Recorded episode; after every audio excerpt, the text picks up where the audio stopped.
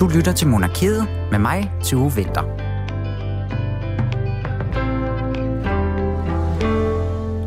Danmarks historien måske efterhånden i hvert fald mest øh, celebre kongelige person, er igen hovedrolleindehaver i et nyt værk. Og gudskelov for det, fordi at Margrethe den første historie, den bliver altså ved med at fascinere, og den bliver ved med at være relevant, og nu har den jo så også fundet vej til det helt store lærred i filmen Margrethe den første. Denne magtfulde kvinde fra middelalderen, det kommer det altså til at handle om i monarkiet i dag, som du lytter til lige netop nu her på Radio 4. Vi skal altså kigge på, hvorfor at den her fortælling om hende er så godt stof i fiktionens verden. Og i forbindelse med det, så har vi altså her i monarkiet været på en øh, lille tur ud af huset, nemlig på Christiansborg, hvor at øh, en udstilling er blevet skabt i forlængelse af den her film, så den skal vi altså også høre meget mere om.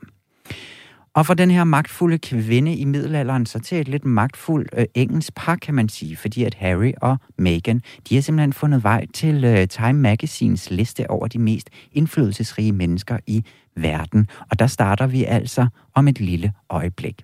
Mit navn det er Tue Winter, og rigtig hjertelig velkommen til Monarkiet. Papa, man siger, at den man elsker, tugter man. Vi tvivlede aldrig på din kærlighed. Til tider var den måske lidt overvældende, og føltes måske også lidt tilfældig. Som barn følte jeg mig tit lidt magtesløs overfor din stringente logik, din klare syntaks og dit galliske temperament.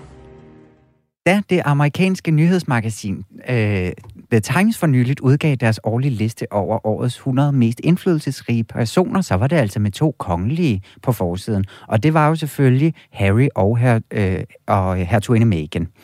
På listen, som ikke som sådan er rangordnet, så finder man altså det her par, der i mere end et år har boet i USA, og til at gøre os lidt klogere på, hvorfor at øh, Meghan og Harry nu er at finde blandt de allermest indflydelsesrige personer i verden, der kan jeg altså sige velkommen til dig, journalist og tidligere korrespondent i Storbritannien, Lone Tejls. Velkommen til Monarkiet.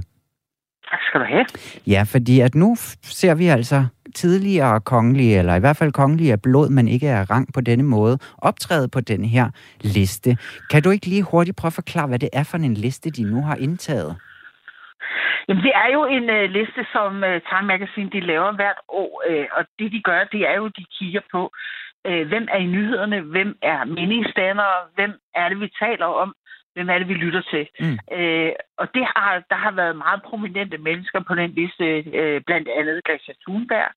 Øh, og Obama, mener også, har været øverst på listen. Ja. Så det er altså en, øh, det er ikke en hvilken som helst liste. Det er ikke listen over de øh, bedst klædte i, i Slangerup øh, sidste år. Nej. Det er en verdens ja. øh, liste, ikke? Altså, jo. der er virkelig, øh, når man er på den, så, så betyder man noget. Så betyder man altså simpelthen noget. Altså det her med, at de nu har indtrådt, fordi at mig bekendt, så har de altså ikke været der før, og så tit ser vi ikke kongelige på den her liste.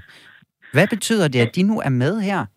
Jamen altså, det er jo fordi, de jo på en eller anden måde er trådt ind i en, en ny kategori, og man skal måske også hæfte sig ved, at de er sammen om det. Altså, der er ikke en enkelt person her.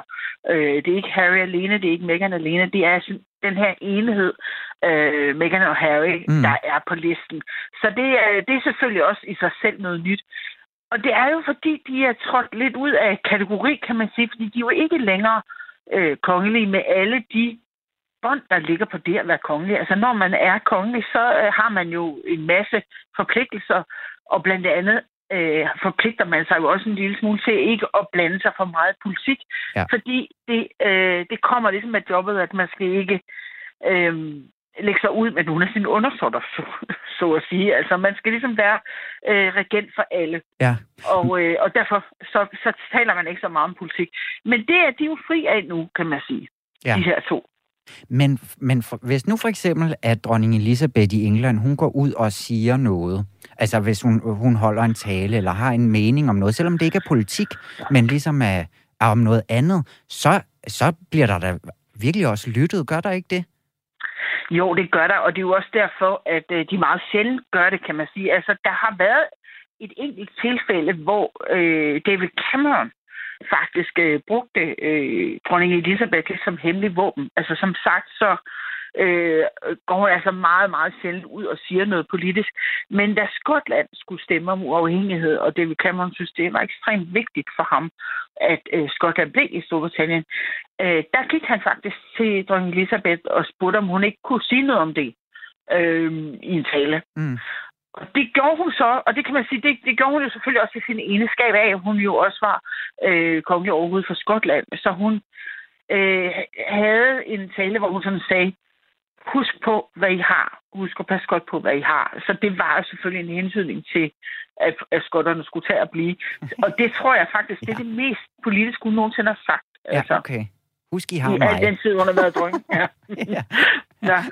ja, fordi at jeg, jeg synes jo, altså, det er lidt påfaldende det her med, at de først bliver... Øh, ja, hvad hedder det, altså de bliver optaget på sådan en her liste og bliver meget mere, øh, får meget mere magt, om man så må sige, når de træder ud af deres øh, monarki, som jo ellers skulle være sådan en lidt halvmagtfuld position at sidde i. Det er det jo, ja. Men, men øh, altså, de har jo ligesom den hvad skal man sige, øh, jeg vil ikke sige street credit, for det ville jo være forkert at sige. Øh, måske skal vi kalde det øh, slots credit mm-hmm. at være kongelig. Altså, så de har jo øh, folks bevågenhed, de har folks opmærksomhed, og nu er de ligesom trådt uden for den der sfære, hvor de er jo underlagt alle mulige regler for, hvad de kan sige. Og det, det, det jo, giver dem jo næsten en super power, at de sådan ligesom både kan trække på at være kongelige, og så gå uden for rammerne af, hvad det vil sige at være kongelig. Ja, og de har jo også fået så øh, nogle øh, samarbejder med nogle noget, der ligesom gør, at de kan komme ud med alle deres øh, meninger og holdninger, fordi at de har jo de her store kontrakter med Spotify og Netflix og Apple TV og alle de store øh, brands som det her. Hvad betyder det for at, at komme på den her liste for dem og ligesom komme, komme ud med det? Alle Jamen altså, det, som alle medaljer, så er der en forside og en bagside. Ja. Og man kan sige, at forsiden er jo, at, øh, at det ligesom cementerer dem som brand, hvis vi nu skal være lidt øh, kyniske og kalde dem et brand. Ja, altså, det er de vel. Altså, ja, fuldstændig. Ja. Altså, og det, det blåstempler jo ligesom, at de er værd for Spotify, og det er værd for Netflix at hyre dem mm. til at lave noget for dem, fordi der bliver lyttet til dem, og de har en indflydelse i den her verden, og de har noget, noget power. Så øh, jeg tænker, at øh, dem, der har skrevet formentlig ret dyre kontrakter med dem i Netflix og Spotify og, og Apple TV, de sidder nu og, hyder sig hen og tænker, ja, vi har fået noget for pengene. Mm, øh, ja. Så på den måde er det godt. ja, godt, der blev skrevet under, inden de fik den ja. udmærkelse også. Ja, ja, uha, det var blevet meget dyrere nu, ikke? Det tror jeg faktisk. Jeg må ikke, at det gør det. Jo, men det tror jeg helt sikkert, det gør. Øh, og så kan man sige, at det der medfølgende portræt, det hylder dem jo også rigtig øh, meget, og siger sådan ligesom, åh, de, det er dem, der giver stemme til dem, der ikke har en stemme, og så videre. Ja. Så det ophøjer dem også lidt sådan helgenagtigt måske til sådan at, at være tals øh, mennesker for, for, øh, for dem, som, som vi ikke har hørt fra før. Så, så det er så ligesom det, der er lidt positivt ved det. Ja. Hvis vi så kigger lidt på dækningen i Storbritannien, fordi den dækning, den er jo stadigvæk præget af, at øh, der er mange, der føler, at øh, Prince Harry og Meghan har forladt øh, deres plads og position mm. i den britiske kongefamilie, ligesom en rent af pladsen. Øh, så der kigger man jo ikke så positivt på det. Så øh, hvis man sådan kigger lidt på den britiske presse i dag, så øh, går de op i forskellige ting. Altså især øh, har man jo haft meget travlt med billedanalysen, og nu ved jeg godt, det er ja. radio, men øh, vores lytter må gøre sig det, ja. så gå ind og kigge og på vi, de her billeder. Vi kan ikke lade være med ikke at snakke om det billede, nemlig. Nej, det kan vi ikke. Ja, fordi hvad er det, man ser der? Ligesom, der er flere billeder, men sådan hovedbillede, det som er på forsiden af Time Magazine, der ser man uh, Meghan i hvidt tøj og Harry i helt sort tøj. Så man har sådan ligesom spillet på, på den her kontrast, øh, tror jeg, det, det er lidt bevidst. Øh, og det, som er bemærkelsesværdigt for nogen i hvert fald, det er jo, at hun står foran ham. Altså ikke bagved ham. Øh, og det har givet anledning til en øh, del kritik og diskussioner. Altså, øh, hvis vi sådan skal tage kritikerne, så så siger de jo så, jamen øh, nu, øh, nu kommer sandheden frem om, hvem der bestemmer i det forhold. Det er Megan, der står forrest altid. Ja. Øh, mens Times Magazines øh, fotograf siger, at det er faktisk ikke hensigt med billedet. Det hensigt med billedet er at illustrere, at vi har et dynamisk par, hvor der ikke er en, der bestemmer over den anden, men hvor de er ligeværdige. Ja. Så det er ligesom øh, det, de har, har vil sige. Og så kan man sige, så inde i bladet, så er der sådan, øh, nogle andre portrætter, hvor de går hånd i hånd, og der, der er nogle træer i baggrunden på deres øh, grund, øh, der ejendom, de bor i, øh, i Kalifornien. Og man kan sige, øh, selv, selv fans har måske sagt, at det ser lidt, øh, ret, lidt for retuscheret ud. Altså, det er sådan lidt for, for photoshoppet på mm. en eller anden måde. Øh, og jeg tror, det, det sjoveste, jeg har hørt om, om det her billede, som er på forsiden, det er, øh, øh, der var en af mine journalistkolleger, som bemærkede, hun synes, det lignede øh, en frisør, der ligesom er ved at vise Megan hendes, hendes nye frisyr. ja, ja, det er da virkelig rigtigt. Ja, det kan man ikke lade være at tænke på nu, når nej, man har nej, i men, hovedet. Altså, I må lige lytte og gå ud og prøve at finde den her forside på uh, Time Magazine. Fordi at det er altså sjovt, at det er jo nærmest som om, han står lidt og gemmer sig bag hende. Og han har sådan en hånd på skulderen, som er sådan... Ja, jeg, ja, det er som om, at han står lidt bag og gemmer sig lidt. Ja. Altså, så, ja. ja. Jamen, det kan man godt få indtryk af, og det er selvfølgelig også noget af det, som øh, nok især den britiske presse har bidt mærke i, fordi der er jo må vi sige, en fortælling i Storbritannien om det der med, at det er hende, der styrer det der mm. show, og Harry, han, han ville være sig selv, hvis det ikke lige var, fordi hun, hun uh, trak ham i en uheldig retning. Ja, det, det er jo, så var altså, han blevet. Færre eller ej, så er det i hvert fald meget af det, den fortælling, der cirkulerer i den britiske presse. Ja, og det er jo ligesom også det par, der... Altså, der er jo blevet udvalgt 100 personer, men det var dem, der fandt vej til forsiden, kan man sige. Og, det, øh, og selvom den ikke sådan er rangordnet, den her liste, så siger det måske lidt noget i sig selv. Jamen, det tror jeg, det gør, og det er selvfølgelig også, tror jeg, sådan, og det er jo, det er jo time, altså, uh, Times uh, typiske varemærke, altså ofte så finder de en, en lidt provokerende person at sætte på forsiden. Altså en eller nogen, er det jo så i det her tilfælde, som, som vi kan diskutere.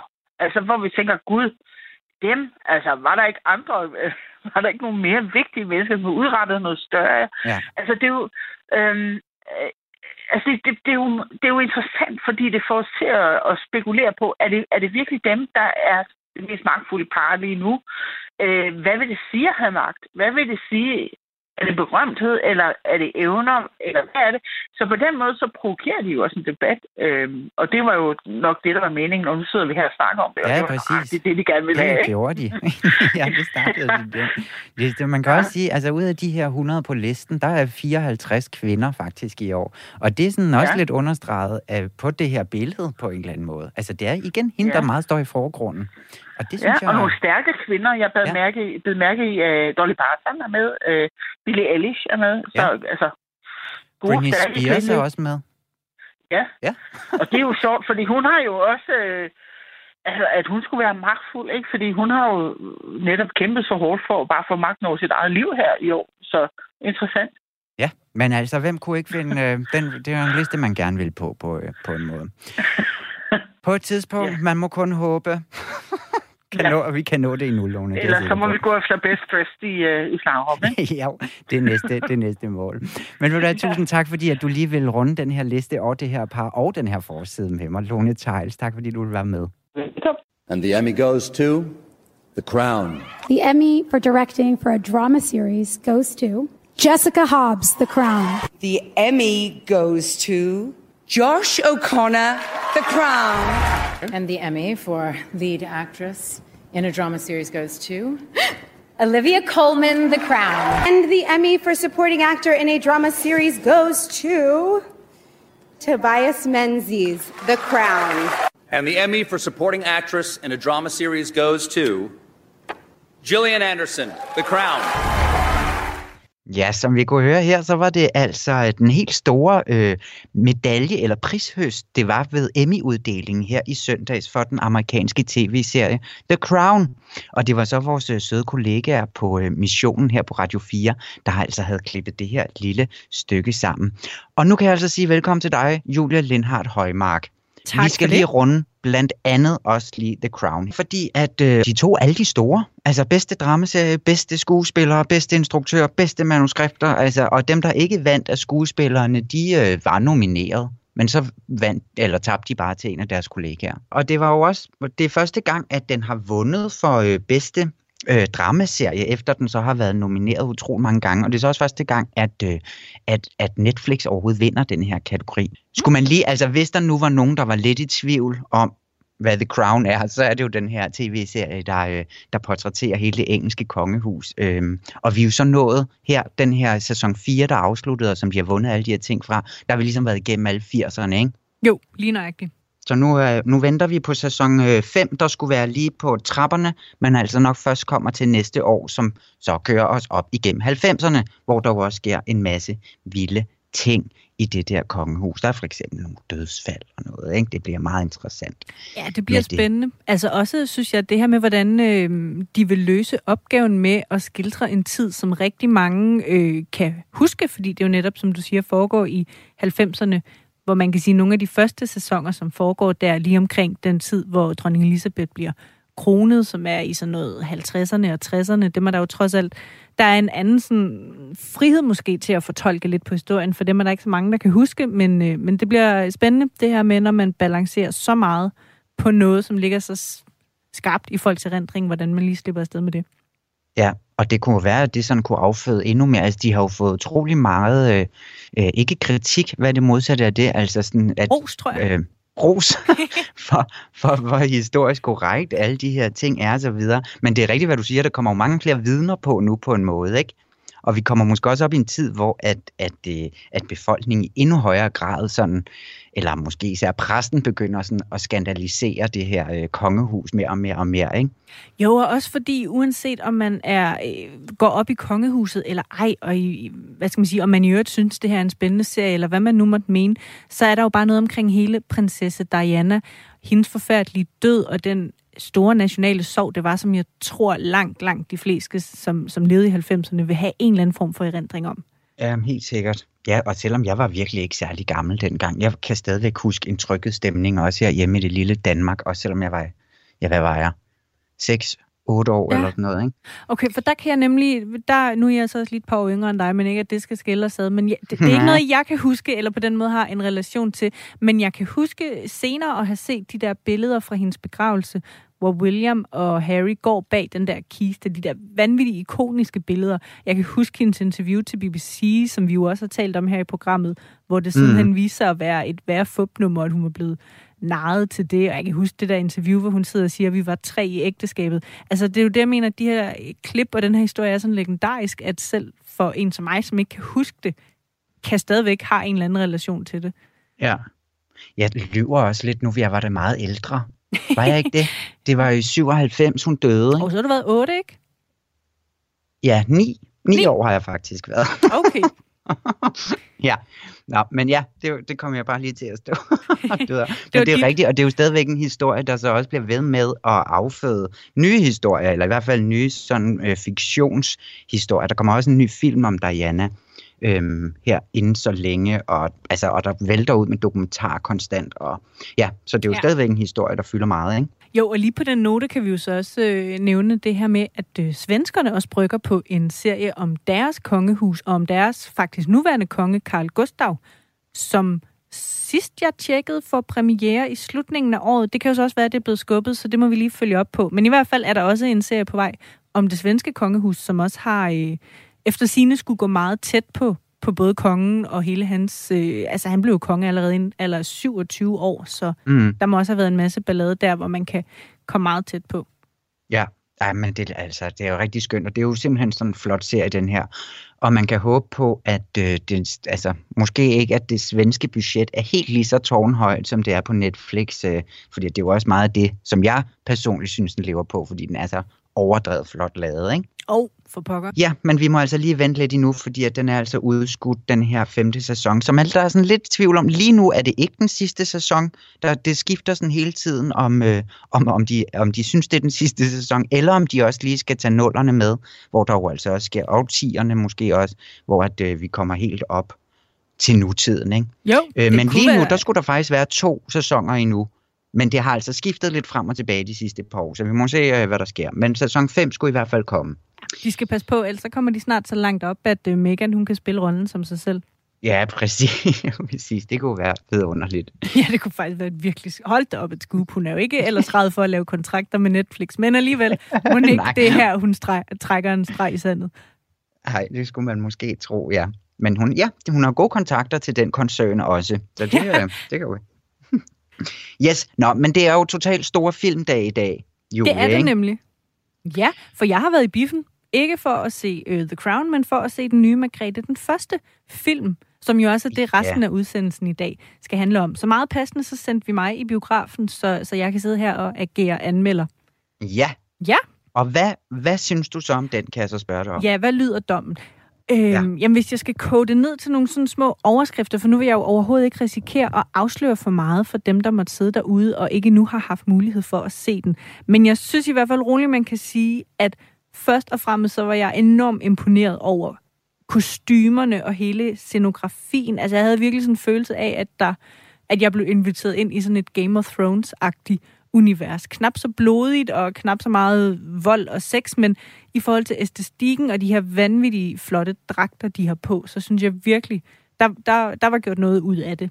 Ja. Øhm, og så kan jeg faktisk rigtig godt lide det, der er sådan selve udgangspunktet for filmen, fordi, som du også sagde i din indledning, Tue, så har man jo på en eller anden måde hørt historien om Margrethe den Første efterhånden. Altså hun har virkelig på en eller anden måde fået et comeback de senere år, hvor vi er blevet opmærksom på, at hun er en ret cool character, og at Mm. øh, hele historien om, hvor sej hun var, og at hun ligesom samlede Danmark, Norge og Sverige i Kalmarunionen. Den kender vi på en eller anden måde. Altså øh, at det her med, at hun var en kvinde med stor politisk indsigt og tæft.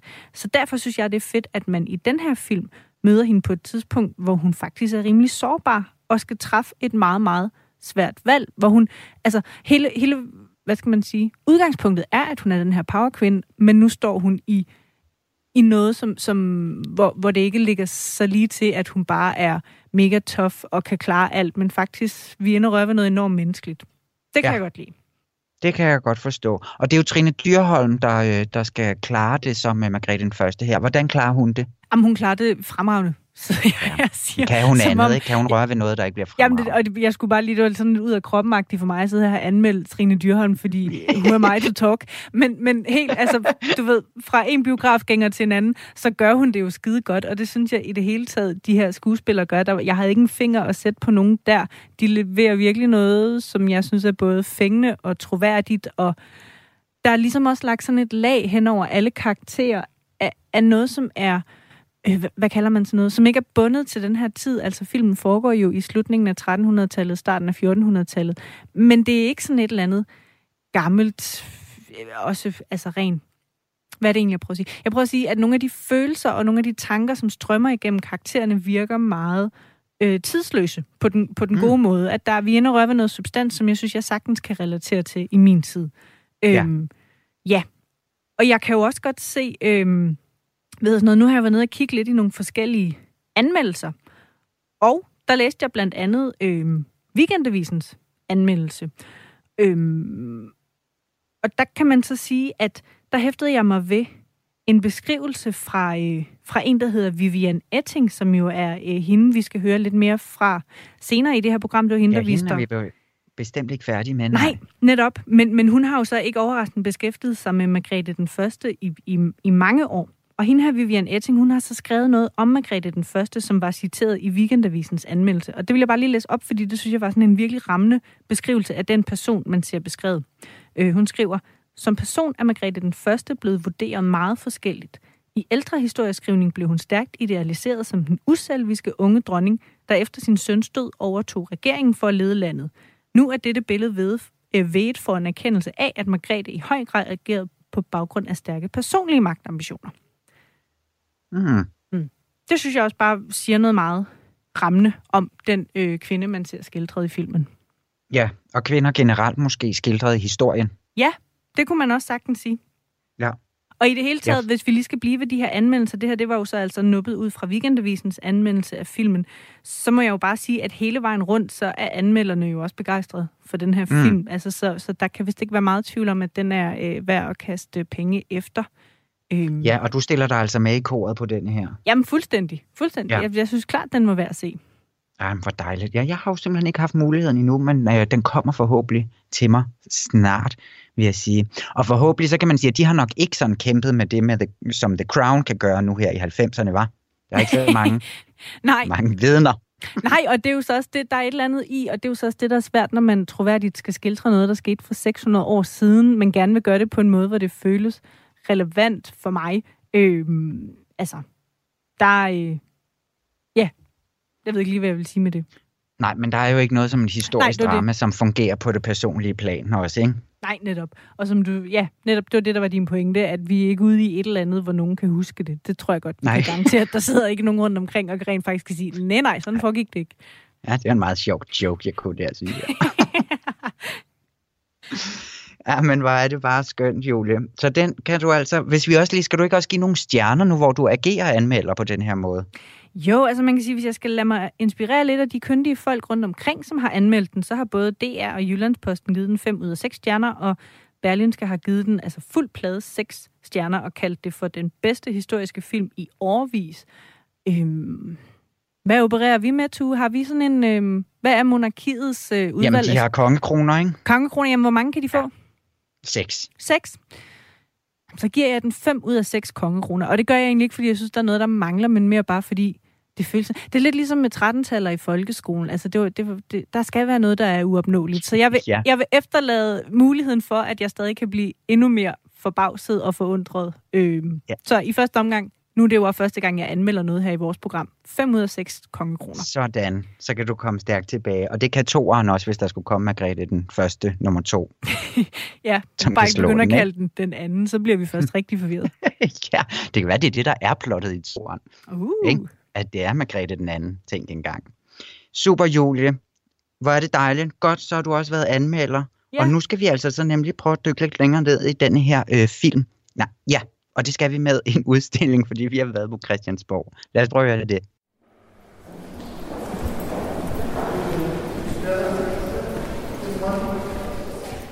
Nu står vi simpelthen midt inde i øh, Kongens København, inde på Christiansborg og i dronningens afdeling. Øh, og her skal vi altså ind og kigge på den her udstilling, øh, som er lavet i forbindelse med filmen Margrethe den Første. Og til at tage os igennem denne her udstilling, der har jeg to meget kompetente øh, museumsinspektører med. Har I ikke lyst til at præsentere jer selv? Start med dig, Vivian. Jo, tak. Jeg er museumsinspektør og seniorforsker ved øh, Nationalmuseet. Jamen, øh, jeg hedder Mirja Tavlov, og jeg er øh, inspektør med ansvar for udstillinger her på Christiansborg Slot, der også hører under Nationalmuseet. Ja, så skønt. Kan I ikke lige starte med at forklare, eller vil du ikke starte med at forklare, Miriam? Hvor, hvor står vi lige nu? Nu sagde jeg, at vi var på Christiansborg, men hvad er det for nogle lokaler, vi er i her? Jamen, det er jo de kongelige repræsentationslokaler, så det er her dronningen, hun holder store fester og nytårskur og andre arrangementer, de officielle arrangementer.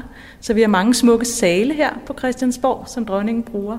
Ja, Og lige nu, øh, vi er lige kommet op ad kongetrappen og står nu i tårngalleriet. i Tårngalleriet. Og det er så her, hvor vi kan se de første øh, indikationer på, der venter os en udstilling lige rundt om hjørnet. Og så synes vi, vi skal gå lidt derind af og kigge, fordi jeg kan allerede se, at der er nogle, en kjole nede for enden af den her vej, vi måske kunne starte med at gå ned og kigge på. Ja, Hmm? lad os gøre. Fedt. Sådan en meget andægtig stemning på det her slot, synes jeg. Det er meget skønt. Så kan du få lov til, Vivian, at præsentere, hvor vi nu er kommet hen her. Det er jo så her, at den ligesom starter udstillingen. I hvert fald det første, man møder af genstanden. Hvad er det for en udstilling, I har bygget op her? Eller hvordan har I bygget den op? Jamen, vi har bygget den op øh, i forbindelse med øh, premieren på filmen, hvor filmen jo øh, fortæller historien om en meget dramatisk episode i dronning Margrethes liv, som foregår i 1402. Og øh, til udstillingen, der har vi så lånt øh, kostymer og rekvisitter fra filmen, og øh, det har vi så sat sammen med originale genstande fra Nationalmuseets samlinger. Ja. Så det, vi står og kigger på nu, det er så en kjole, der sidder på en gine. Og er, er det så øh, øh, for eksempel en del af altså kostymerne fra filmen? Ja, det er det lige præcis. Hvis man ser på billedet her, øh, et billede fra filmen, det er Trine Dyrholm, der spiller hovedrollen jo som dronning Margrethe, og der kan man se, at hun er på falkejagt, og der bærer hun netop den kjole, som vi har fået lov at låne til udstillingen. Ja. Hvordan har I sådan kurateret genstandene? Altså, hvad har været vigtigt for jer at få med? Ja, man kan jo sige, at grunden til, vil jeg måske lige forklare, hvorfor vi får lov at låne de her kostymer og rekvisitter fra filmen, det er jo fordi, at Vivian, hun har været øh, historisk konsulent på filmen. Ja. Så det er jo også øh, Vivian, der har skaffet den her kontakt til øh, SF Studios, der har lavet filmen, så vi kunne låne alle de her ting. Og det er vi jo rigtig glade for her på Christiansborg Slot, at vi kan udstille kjoler og kroner og troner, Ja. som jo er rigtig gode kongelige ting fra filmen. Det er jo det, vi har lagt vægt på, øh, når vi øh, skulle udvælge ting til udstillingen. Ikke? Ja. Så de her rigtig flotte ting. Hvordan, eller hvor meget ved man om, hvordan tingene egentlig har set ud dengang? Er det sådan, øh, øh, hvad hedder det, direkte øh, gengivelser af for eksempel kroner og kjoler og så videre? Man kan sige, det er lidt forskelligt. For eksempel den gyldne kjole, vi står og kigger på her i øh, Tårngalleriet, som jo er et kostyme fra filmen. Den er jo meget inspireret af en ægte genstand, som er øh, en gylden kjole, som man mener har tilhørt Margrethe den Første, som er bevaret gennem 600 år fra middelalderen, og som vi har med den originale kjole også på udstillingen. Ja, og som den vi skal ind og se på. Så der er en direkte inspiration. Ja, Andre gange så er det nok lidt mere frie fortolkninger over øh, dragter fra middelalderen. Ikke? Jo. Ja. Så når du har været, Vivian, når du har været øh, konsulent på det her arbejde, hvad, hvad for nogle kilder har du så at gøre godt med, for at finde ud af, hvad, hvad der egentlig er sket?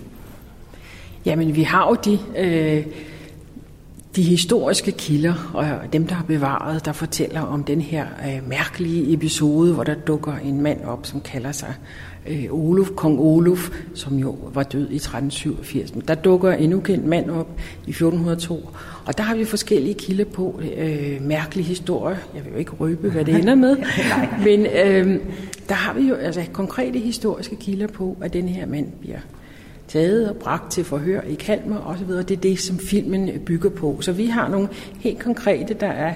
Altså filmen er jo en spillefilm, øh, det er en fiktion baseret på historiske begivenheder. Ja. Så der er konkrete historiske kilder på, så vi ved, at, at de basale ting, øh, som, den, som funderer øh, plottet, om man så må sige, de er korrekte. De er korrekte. Altid. Skal vi ikke prøve at rykke øh, videre ind i udstillingen? Skal vi igennem? Uh, så spændende. Nu kommer vi ind bag en, en lukket dør, hvor der står, at, at udstillingen snart åbner, så vi er altså helt på preview her. Og den her udstilling kan jeg jo så også lige sige, åbner altså på fredag, og så kan man komme ind og se den herinde på Christiansborg. Ja, nu står vi så inde i et aflukket rum her. Hvor er vi endt henne nu, om man så må sige? Nu er vi i tårnsalen, som simpelthen befinder sig midt i slottet Christiansborg under det store tårn, som jo er det højeste tårn i København faktisk. Ja. Ikke? Så det er, det er tårnsalen. Og her er så stadigvæk, der kan vi kigge også, der er flere kostymer her i midten og, øh, og så videre. Hvad med sådan, øh, altså, øh, selve rummet her? Er det, som det plejer at se ud med de her gobelinger og så videre? Ja, man kan sige, at vi valgte det her rum til udstillingen, fordi det øh, passer simpelthen perfekt som en middelalder setting. Altså de øh, vægtæpper, der er herinde på, øh, på væggene, de forestiller øh, folkesavn, øh, folkeviser fra middelalderen, øh, med ja, ridder og skønjomfruer, der bliver forvandlet til dyr, og sådan, ja, trylleviser, som man kalder det. Ja. Så der er den her fine middelalderlige stemning. Der er et vælvet loft og en kæmpe lysekrone, som engang har lyst med, med levende lys. Og det ligner faktisk meget den tronsal, som øh, meget af filmen foregår i på Ja. Kalmar Slot. Så vi tænkte, det skulle bare være det her Det rum. oplagt. Det er helt oplagt. Ja. Hvordan øh, ved man noget om, øh, om den... Øh, altså om, om dronning Margrethe har haft nogen sådan tilknytning, jeg ved godt ikke til det her slot, men sådan til området her, hvor der jo altid har ligget sådan kongeborg eller slot i hvert fald. Ved man det?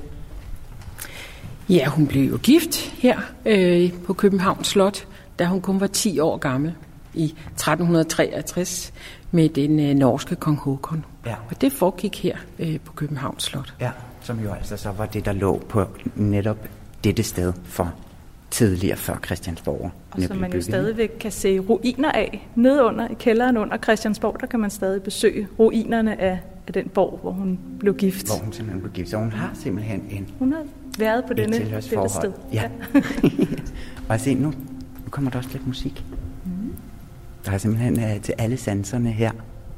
Det er noget fint baggrundsmusik her. Også for. Ja. Så det er også taget med.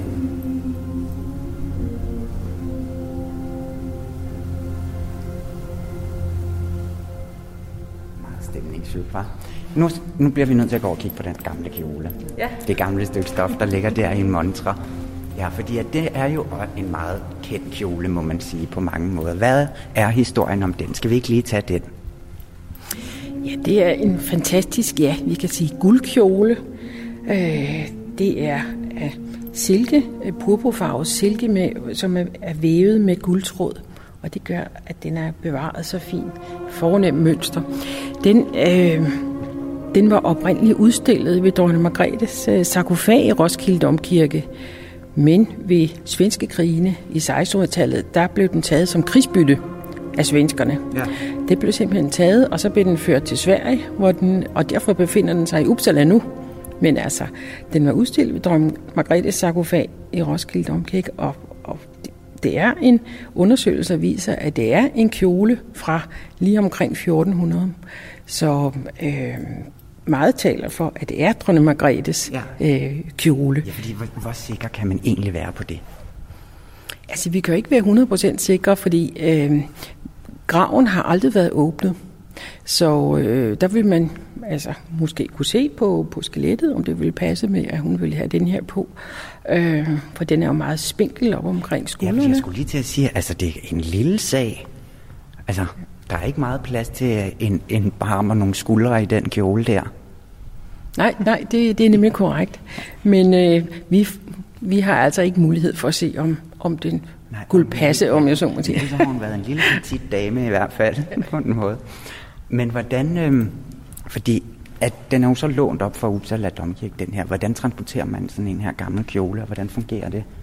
Jamen det, øh, det er en, en større operation. Ikke? Den blev øh, kørt afsted i øh, en topsikret øh, lastbil i en kæmpe, kæmpe kasse kæmpe trækasse, der nærmest ikke kunne komme igennem døren her ind til ja. tårnsalen. Det var sådan lige på millimeteren, der var vi lidt nervøse. Og så skulle den selvfølgelig pakkes ud og ligge i den her topsikrede montre. Ja. Så det er ja, ikke noget, man bare lige gør. Nej, det kunne jeg forestille mig. Nu ryger ikke lige ned i uh, Trollien i uh, Nej. gennem, gennem uh, lufthavnen der. Jamen, den er jo simpelthen så imponerende. Og det er ikke så tit, at den er i Danmark, eller har været i Danmark, vel? Det er bare et par gange her, tror jeg, i løbet af de sidste år. Ja. ja. Siden den blev taget som krigsbytte i 1659, så har den måske været to-tre gange i Danmark. Ja. Men øh, der var ikke nogen problemer med at låne den. Så. de, ja, de synes faktisk, det var et godt formål, at vi øh, ville låne den nu her, hvor der også kom en film, så der blev en bredere interesse for Margrethe den Første. Ikke? Så mange ja. blev interesseret i hende som historisk figur vil ind og se det tætteste, man kan komme. Ikke? Altså, det er jo den mm. genstand, man er mest sikker på har, har tilhørt hende. Ja. Ja, fordi er det her med nemlig, at, at den her dronning Margrethe den første, hun bliver jo ved med at, at dukke op, og der bliver simpelthen lavet nye værker om hende øh, hele tiden osv. Hvorfor bliver hun ved med at fascinere på den her måde, tror jeg? Jamen, dronning Margrethe er jo en af de mest øh, fascinerende, øh, hvad skal jeg sige, personer i vores øh, ja, kongerække, hvis mm. man kan kalde det regentrække. Altså, det var jo hende, der øh, samlede Norden, Danmark, Norge og Sverige i Kalmarunionen. Og det var jo altså en ja, kæmpe storhedstid for Danmark. Så hun er de et, hvad skal jeg sige, politisk øh, geni samler Norden i en union, som kommer til at vare i 126 år. Mm. Så på den måde, så har hun jo, indtager hun en meget stærk og vigtig plads i Danmarks historien, og, og det er absolut noget, som hun er, hendes berømmelse har varet lige fra, hun, lige fra hendes død og ja. til i dag. Men det er jo nemlig nogle år siden, og hvordan kan, altså, hvad kan vi bruge historien til i dag? Om man vil, altså sådan, hvad kan vi lære af den, eller hvad kan vi sådan... Øh, Hvorfor bliver den ved med at være vigtig på en måde? Ja, det er jo en historie, der har spillet en enorm rolle for, for, for hele Danmarks øh, ja, og Nordens videre skæbne op gennem århundreden. Øh, I virkeligheden stadig. Altså, øh, Kalmarunionen, øh, altså de nordiske landes forhold til hinanden, altså har, har meget har, har rod i, i, øh, i Kalmarunionen, ja. og, og hvad det siden udviklede sig til. Og også, hvis man skal være helt ærlig, til de endeløse krige med Sverige. Ja. så, så det er noget, der har virkelig har sat sit præg ja. på. Og måske hun også sådan er god at bruge i fiktion, fordi hun er en super spændende karakter på det her tidspunkt. Ikke? Hun træder sådan godt ud af sin egen historie på en måde. Ikke? Skal vi prøve at rykke lidt videre rundt i udstillingen her?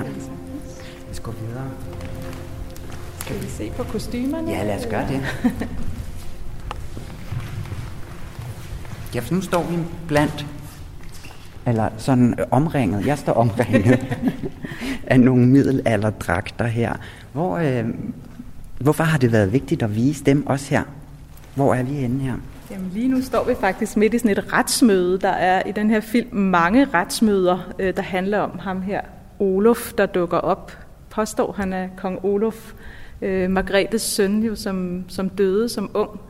Og øh, der står vi så med her med Olof. Han har håndjern på, fordi han, øh, det, han er på en eller anden måde anklaget, eller hvad skal man sige, hvordan hans rolle her i retssagen? Kan vi... Jo, han dukker jo op og påstår, at han er, at han er kong Olof og kræver sine riger tilbage.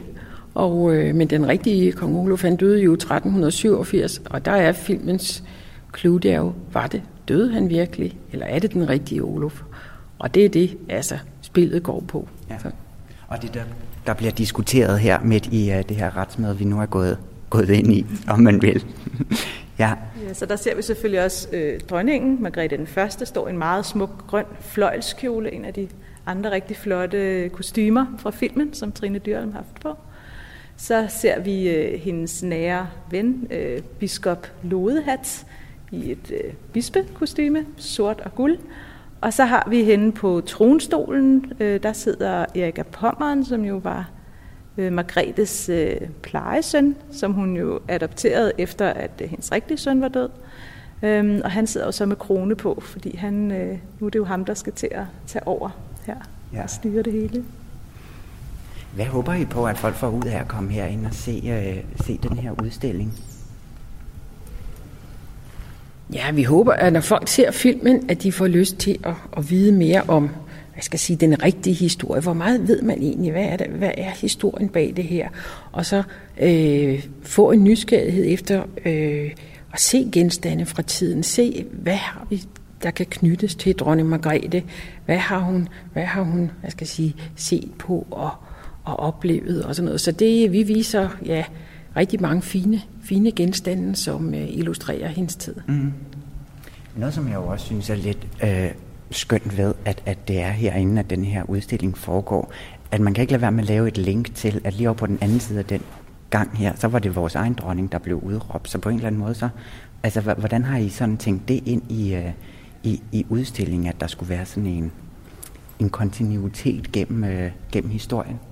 Altså, det har jo været et af de gode argumenter for, at vi også kunne have udstillingen her på Christiansborg. Udover det med, at det var her, hun blev gift som 10-årig, så kan man sige, at det er også her, hun øh, får sit navn. Altså hun får først navnet Margrethe den første, da Margrethe den anden bliver udråbt i 1972. Og det sker, som du siger, netop her fra det nuværende Christiansborg, tronsalen, som vi har her lige ved siden af tårnsalen. Så det er faktisk derinde, vi har en afslutning på udstillingen, hvor vi fører det op til nutiden, og hvor vi vil hvor vi lader de to dronninger mødes, Margrethe den første og Margrethe den anden. Ja.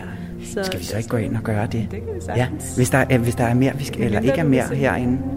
Hvad, hvad har vi over i den montre herover? Her der ser vi jo så på nogle forskellige øh, genstande. Hvad er det, vi står og kigger på nu, Vivian? Ja, her ser vi blandt andet et kæmpestort drikkehorn. Ja. Øh, som der er meget stor sandsynlighed for, at dronning Margrethe har båret rundt som norsk dronning, båret rundt som officiel velkomst til gæster, når de kom til hoffet. Okay. Det er jo et kæmpestort drikkehorn med, med forgyldte øh, randbeslag, hvor man blandt andet ser det, det norske kongevåben, en løve med økse, og så andre våbner fra, fra adelige slægter. Og øh, der vi har lavet DNA-analyser af den, og der kan man se, at det er en urokse. Okay. Det er lavet af uroksehorn, som man har fået fra, fra Polen, hvor der stadig led urokser på det her tidspunkt. Så Margrethe, altså meget tyder på, at Margrethe har båret denne her rundt med store fester på, på det kongelige slot Akershus, hvor hun jo blev ført efter, de blev gift. Ja. Hvordan, øh, altså, hvad kan vi lære ud fra sådan en her? Altså for sådan nogle genstande, hvad siger det ligesom om tiden? Og hvor meget kan det være med til sådan at skabe et billede af hende og hendes regeringstid? Altså det kan jo det kan jo hjælpe folk til at, at få en fornemmelse af tiden. Øh, også ved at se de, de, de rigtige genstande, man har fået, øh, hvor man får en fornemmelse, at man kommer lidt tæt på. Ja. Så det er ikke, altså film, det er jo fiktion, men her, der er det de rigtige genstande, her kommer man tæt på.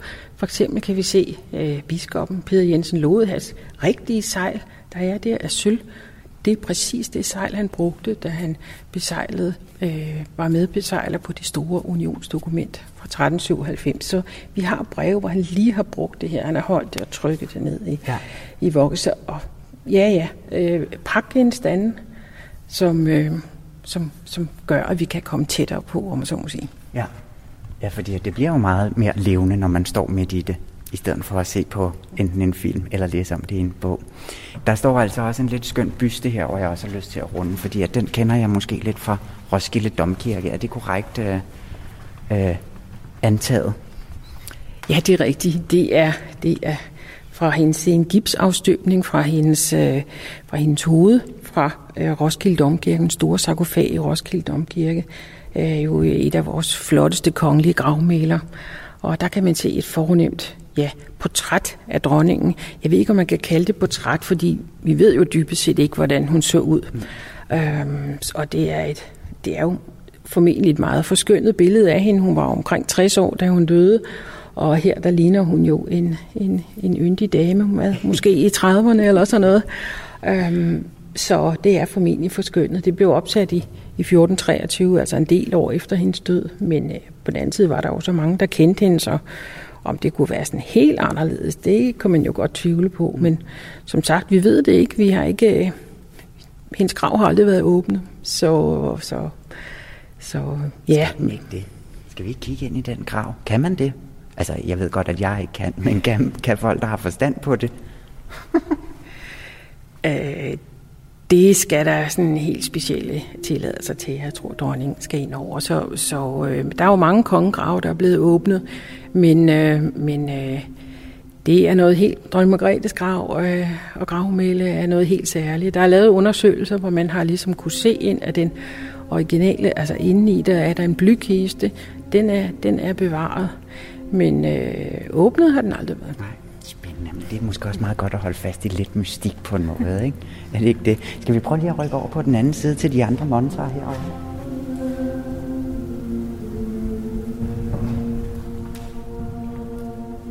Ja, fordi at her der står der sådan to figurer mere. Om man vil, hvad kigger vi på her?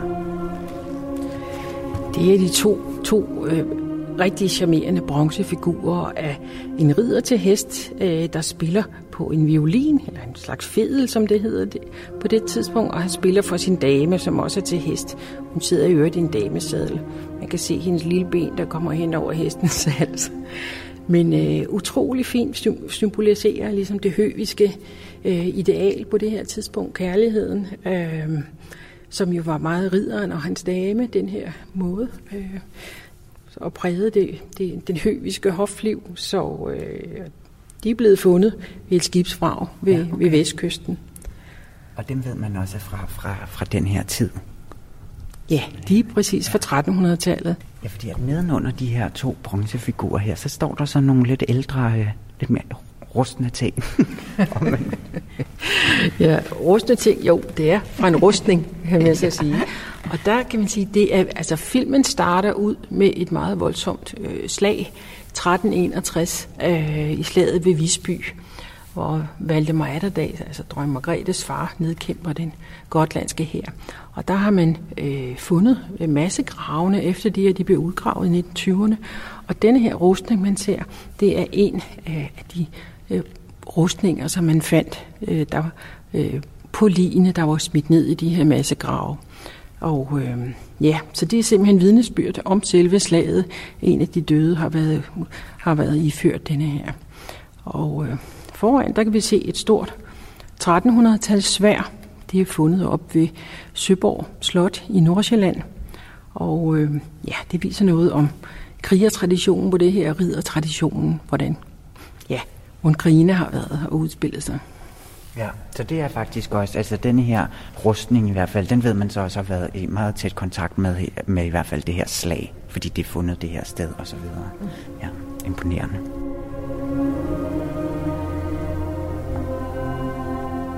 Og de her pragtfulde ringe, vi ser heden foran med, med, med ædelsten, stor safir og perler og så videre, det er, det er fra et, et stort skattefund fra Slagelse fra øh, 1370'erne. Ja. Og det viser jo noget om, hvilke pragtfulde smykker de er. De er jo så velbevaret, så man, man kunne gå med dem i dag. Man ja, kunne lige tage den på fingeren.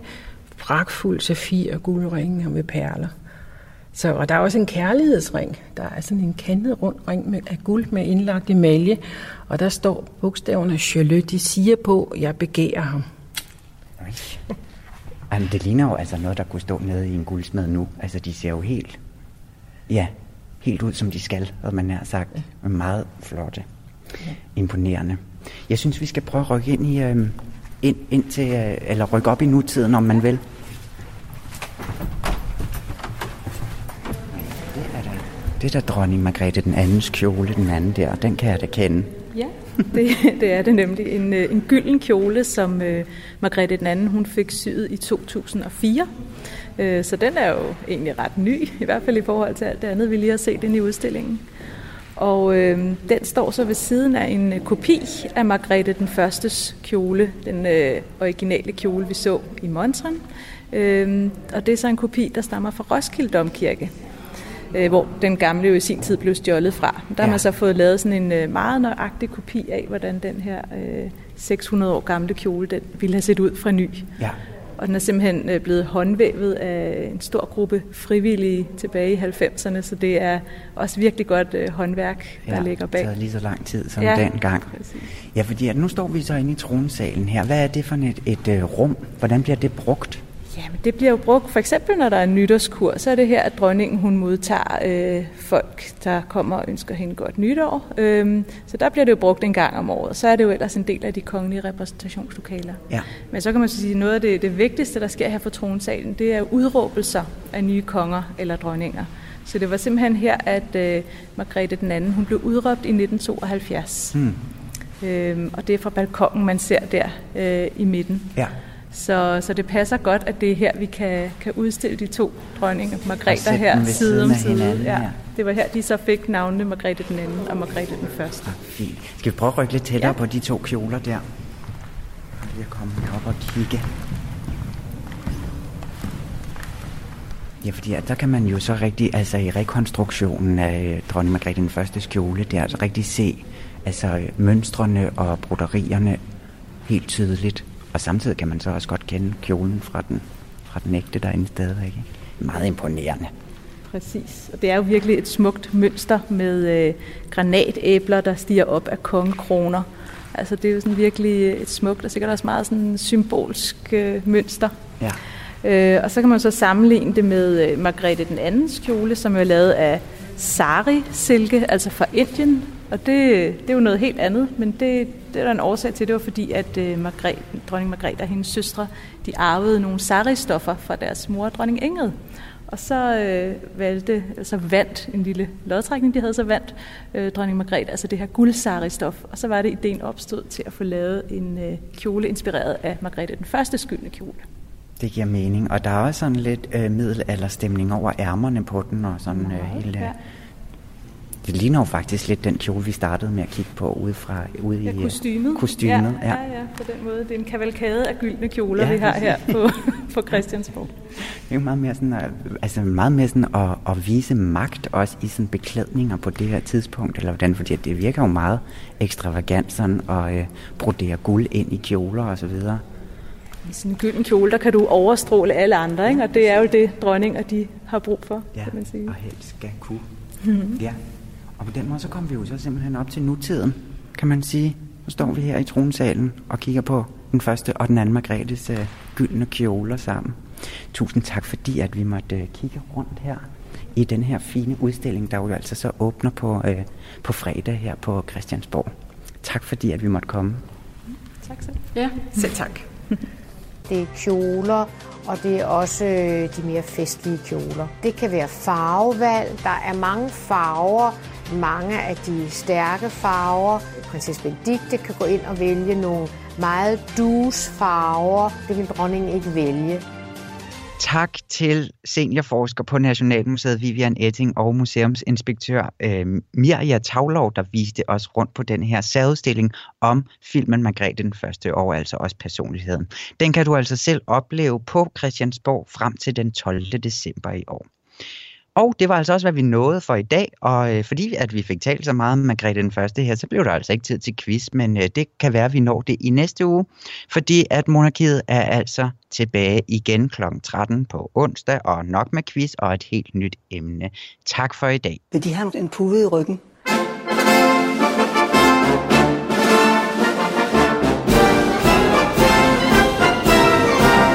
De vil, så har jeg sagtens lånt dem en pude. Åh, det vil jeg vældig gerne have. Øh, hvor er blevet? Hvor er mine møbler blevet? Nej.